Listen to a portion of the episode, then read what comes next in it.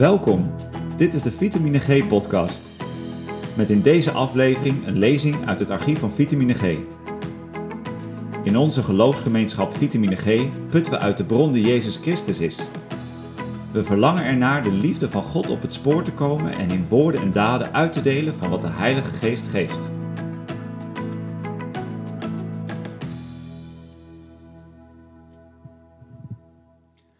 We lezen nu twee tekstgedeeltes.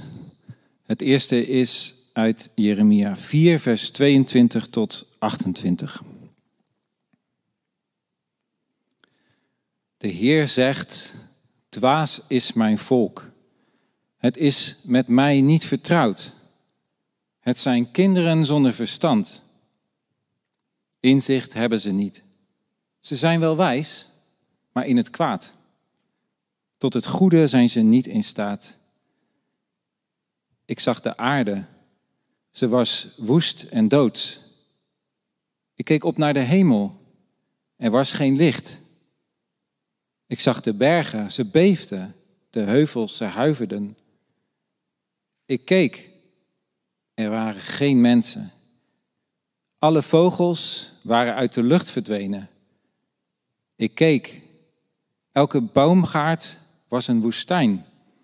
Alle steden waren verwoest.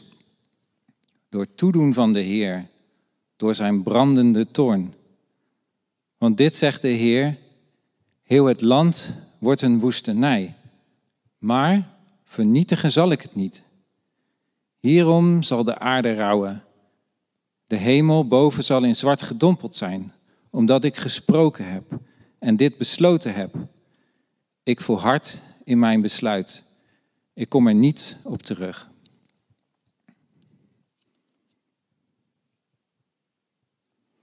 En dan een gedeelte uit Lucas 19, vers 41 tot 44.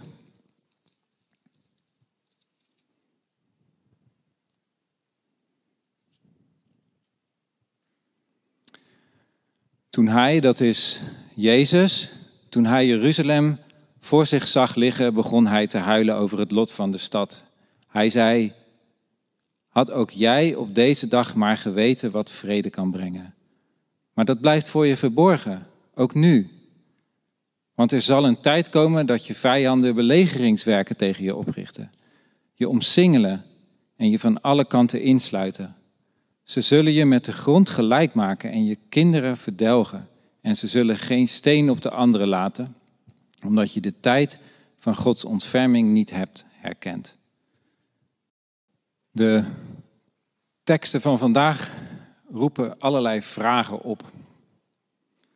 Hoe zit dat met Gods woede, met Gods toorn, zoals we dat in een oud, oude woord zeggen? Kan, wil God verwoesting aanrichten? Hoe zit het dan met zijn liefde, met zijn barmhartigheid? Is die tekst, die teksten die we net lazen, waren die alleen voor toen? Of moeten wij ze ook ter harte nemen?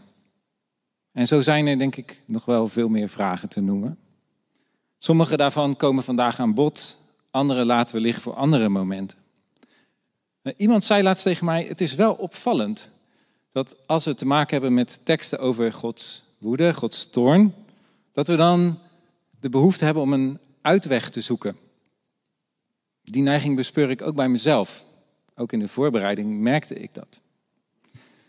Maar, zo zei diegene tegen mij terecht, dat doen we niet als het gaat om teksten over Gods genade. Dan zoeken we geen uitwegen. Dus misschien moeten we dat vandaag ook maar dan niet proberen om uitwegen te zoeken, maar de tekst op ons in laten werken. Er wordt wel eens gesproken over twee functies van religie. In het Engels zeggen ze comfort en challenge. En comfort, dat is de troostende, bevestigende werking van religie. En challenge, dat is de kritische, uitdagende functie. Dat is de kant die de status quo uitdaagt, die gevestigde structuren wil veranderen, die dingen wil doorbreken en die wil plaatsmaken voor iets anders, voor iets beters. En ik denk ook de kant die soms ons wil afhelpen van God die in ons straatje past. Nou, beide comfort en challenge komen, voort, komen vanuit de Bijbel tot ons. En die moeten er ook zijn. En vandaag in deze preek komt het ook allebei terug. Challenge en comfort. Nou, mijn verhaal bestaat uit twee delen. Eerst gaan we focussen op de tekst uit Jeremia en laten we deze op ons inwerken. Wat staat er? Wat valt op? Wat zegt het? Daarna, in het tweede deel, zetten we een andere bril op en gaan we kijken naar onze wereld, hier en nu, vanuit de bril van Jeremia en Jezus. Wat kunnen wij van hen leren vanuit de teksten die we vandaag gelezen hebben? Het eerste wat mij opviel toen ik de, teksten, toen ik de tekst op me in liet werken, gaat over vers 23 tot 26. Zal je ook opgevallen zijn. Het beeld dat Jeremia daar voor zich ziet is zeer negatief. Jeremia ziet een aarde voor zich die woest en doods is, vol duisternis, uiterst donker en dreigend. Al het leven heeft zich teruggetrokken, is verdwenen, verschrompeld. En ook alles wat de mensheid aan beschaving heeft opgebouwd, denk aan steden en nou, we kunnen daar van alles bij denken, dat is vervallen tot ruïnes. Ik dacht, het lijkt wel een beetje op een filmscenario. Er zijn best wel behoorlijk wat films die gaan over uh, de aarde die dan helemaal uh, onleefbaar is geworden en dat er dan misschien nog één of twee mensen overblijven. Ik vond bijvoorbeeld deze twee voorbeelden. Uh, Take Shelter, als het goed is, komt hij op het scherm. Ja, Take Shelter, ooit wel eens gezien volgens mij, en Oblivion, maar ja, zoek, zoek maar in het barst van dit soort films. Ik vraag je wel eens af, waarom zijn die films zo populair eigenlijk? Ik weet niet precies het antwoord daarop. Iemand zei, het heeft ermee te maken dat het je juist bewust maakt van wat het betekent om te leven. Het zou kunnen. Het stelt je wel de vraag, welke hoop is er nog als de aarde werkelijk in zo'n soort staat zou terugvallen? Het negatieve scenario dat Jeremia schetst in vers 23 tot 26, en de films mogen wel van het scherm. Misschien kunnen we vers 23 tot 26 er ook nog even opzetten. Dit negatieve scenario is vrij uniek in de Bijbel, zo donker en zo dreigend. Het is vrij uniek, maar de woorden en de beelden die gebruikt worden in die tekst, die komen wel heel bekend voor. Het is je misschien ook opgevallen. Het is een omgedraaide versie van het scheppingsverhaal. Moet ze maar eens naast elkaar leggen, daar heb ik ook een sheet van. Als je ze naast elkaar legt, dan zie je op het eerste oog al gelijk dat er heel veel woorden terugkomen. Aarde, doods inderdaad, woest en ledig, hemel, ja, licht, vogels, duisternis. Geen mensen, inderdaad. Ja. Ik had zelf ook nog um, boomgaarden en steden als um, gemarkeerd. Die staan dan weliswaar misschien niet zo letterlijk in het gedeelte uit Genesis wat getoond wordt, maar het gaat daar wel volledig over. Het is dus zo dat in dat visioen van Jeremia de schepping als het ware stap voor stap wordt ontmanteld. De wereld is teruggevallen naar de oerchaos van voordat God orde aanbracht en leven mogelijk maakte.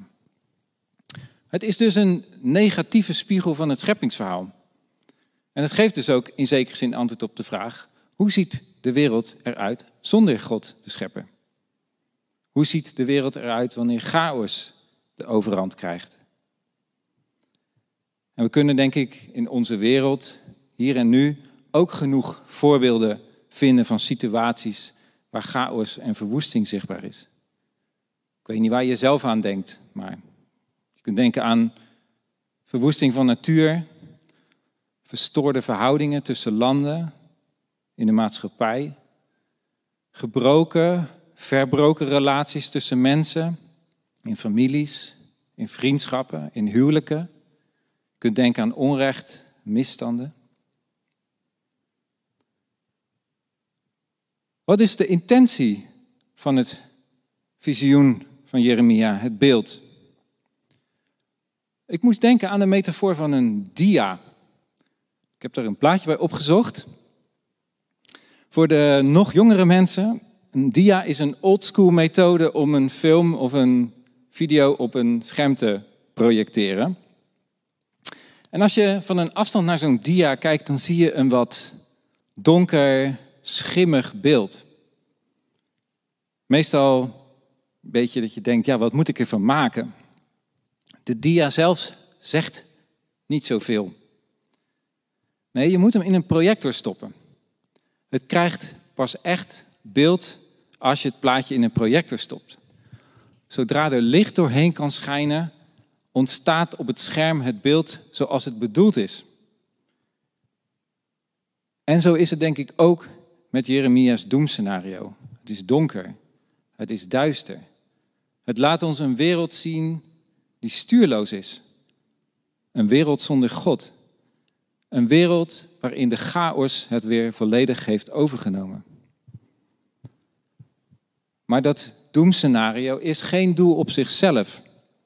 Het wil dat we er licht doorheen laten schijnen. Het wil vertellen hoe God het wel bedoeld heeft.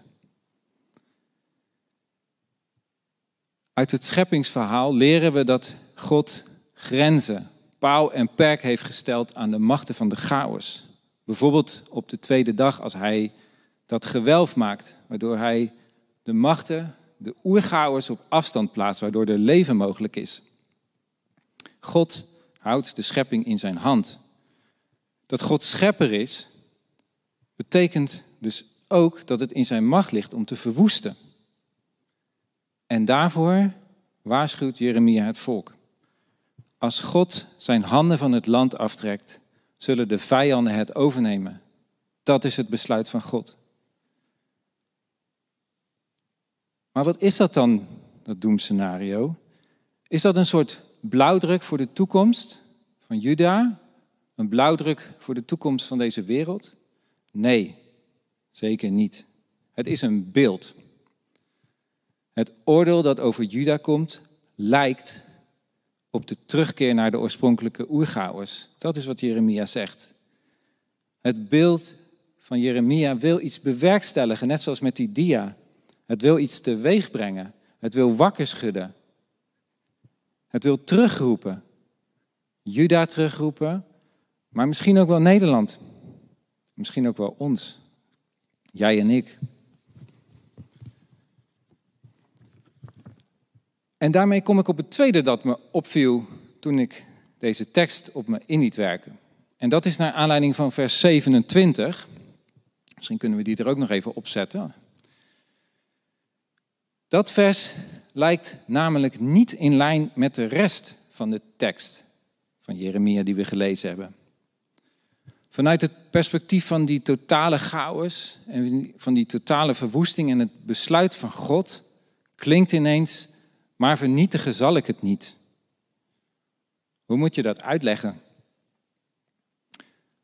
Ik heb dat ook eens nagezocht en in mijn Bijbelcommentaren viel me op dat er een minderheid is die zegt dat de grondtekst op een andere manier, dat het een andere vertaling nodig hebt. Dat er eigenlijk niet zozeer staat, maar vernietigen zal ik het niet, maar dat er staat, ik maak het met de grond gelijk heel wat anders. Zo is het ook in de Willybord-vertaling vertaald. Nou, hoe dat dan precies zit en waar dat dan uh, in relatie tot de grondtekst uh, vandaan komt, dat voert voor nu te ver. Maar het vraagt wel om een keuze. Wat wordt er bedoeld? Ik sluit me aan bij de meerderheid van de uitleggers. Want volgens mij laat de tekst een soort tweespalt zien. Een soort tweestrijd bij God. Niet alleen hier in deze tekst, maar in veel profetische teksten. Telkens wanneer het geduld van God op is, wanneer hij zegt, ik ben er klaar mee, God in woede ontsteekt, gaat hij toch niet over tot een complete vernietiging. Besluit hij toch weer door te gaan. Maakt hij een nieuwe start. Laat hij ruimte voor een nieuw begin.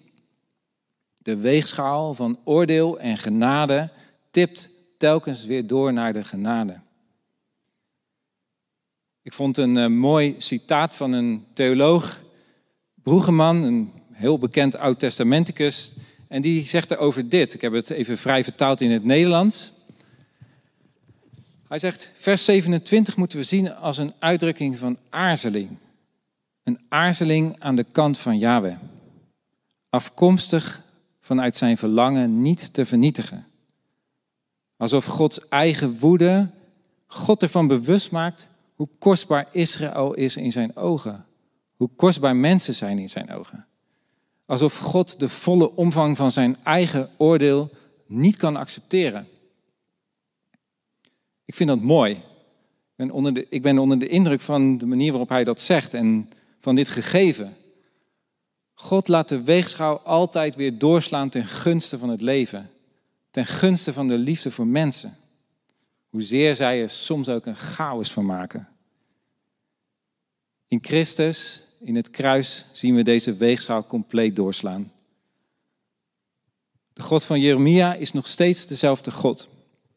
Het is een God die niet met zich laat sollen, maar die in Christus eens en voor altijd de zekerheid heeft gegeven dat wie in Hem zijn, zullen ontkomen aan vernietiging en in vrede met Hem zullen en kunnen leven. Dat dus, die twee dingen die mij opvielen in de tekst van Jeremia, toen ik dat op me in liet werken.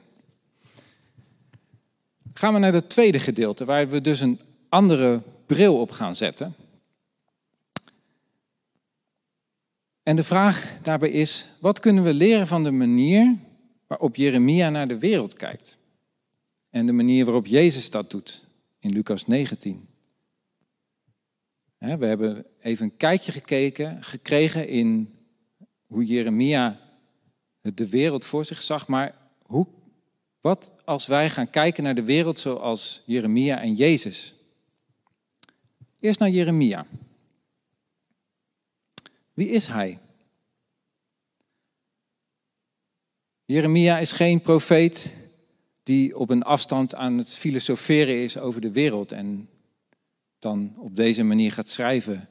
Die niet, het is geen profeet die vanuit een afstand een oordeel van God bekend maakt. Nee, Jeremia is onderdeel van zijn volk. Hij trekt zich het lot van zijn volk aan. Jeremia staat met de voeten in de modder. Hij maakt zich boos, verdrietig om de koppigheid van het volk en ook om het vooruitzicht van wat er gaat gebeuren. We lezen dat eerder in hoofdstuk 4 bijvoorbeeld, waar Jeremia het uitkermt. O bonzend hart, ik krimp in een van pijn. Heel het land gaat ten gronde. Hoe lang moet ik de strijdvaan nog zien, de ramshoorn horen schallen? Verdriet om het lot van mensen, om het lot van de wereld. Dat zie je ook bij Jezus. In Lucas 19, als hij Jeruzalem ziet liggen, zo staat er, begint hij te huilen. Verdriet om de menselijke, maar ook de maatschappelijke blindheid. De blindheid voor het, en het onvermogen om de shalom van God, de vrede, de heelheid te omarmen, uit te leven. Maar ik vind dat wel echt heel bijzonder dat Jeremia en dat een profeet niet slechts alleen een boodschapper is van God in de zin van een eenrichtingsverkeer. Een profeet is een vertegenwoordiger van God bij de mensen, maar het is ook een vertegenwoordiger van mensen bij God. Het is een soort middelaar. In vers 10 staat van Jeremia 4 staat bijvoorbeeld dat Jeremia zijn beklag doet bij God. Hij neemt het op voor zijn medemensen en hij doet zijn beklag bij God. Hij zegt, Heer mijn God, u hebt Jeruzalem en dit volk misleid.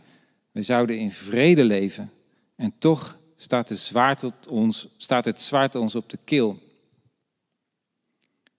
En dat valt dus op. De profeet is dus niet alleen kritisch naar zijn eigen volk, hij is ook kritisch naar God. God, zo had u het toch niet bedoeld.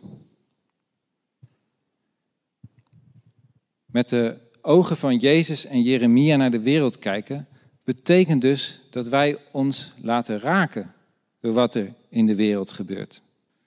Dat, we, dat wat we zien en ervaren, dat we ons daar boos en verdrietig over maken. En dat we daar ook voor kiezen, hè?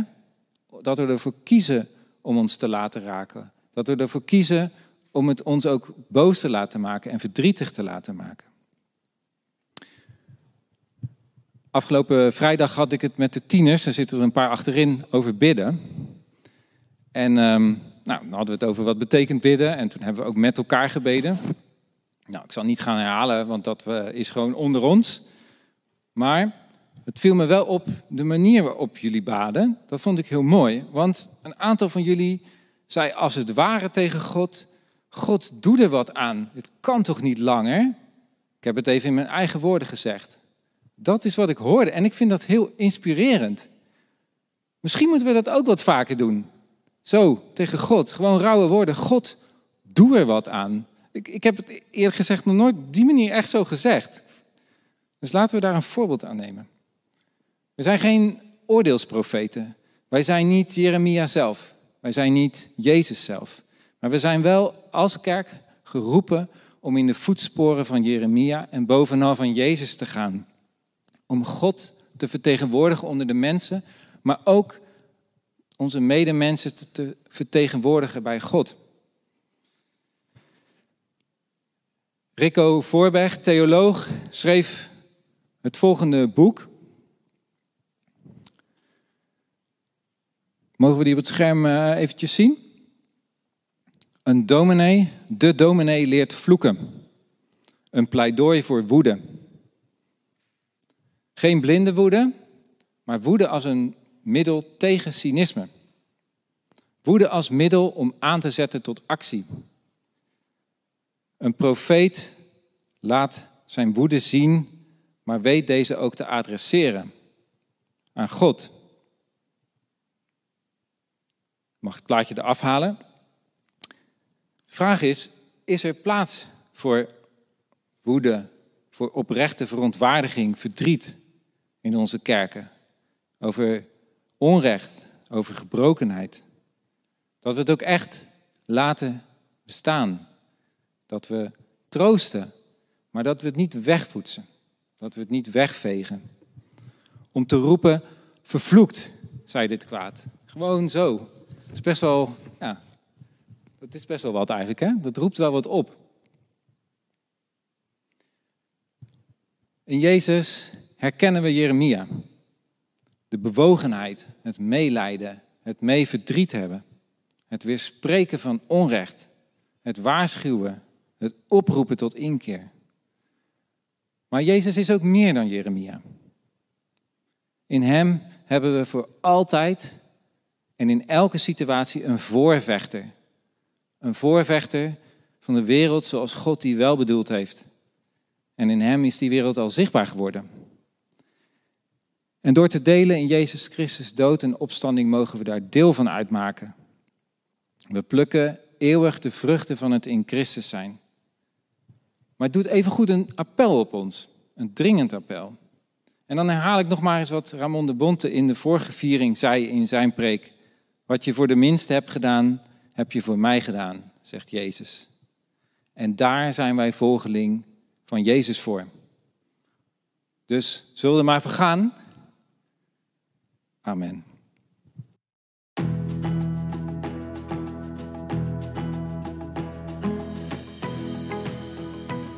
Dit was de Vitamine G podcast. Bedankt voor het luisteren. Ben je nieuwsgierig naar onze geloofsgemeenschap? Kijk dan op vitamineg.net.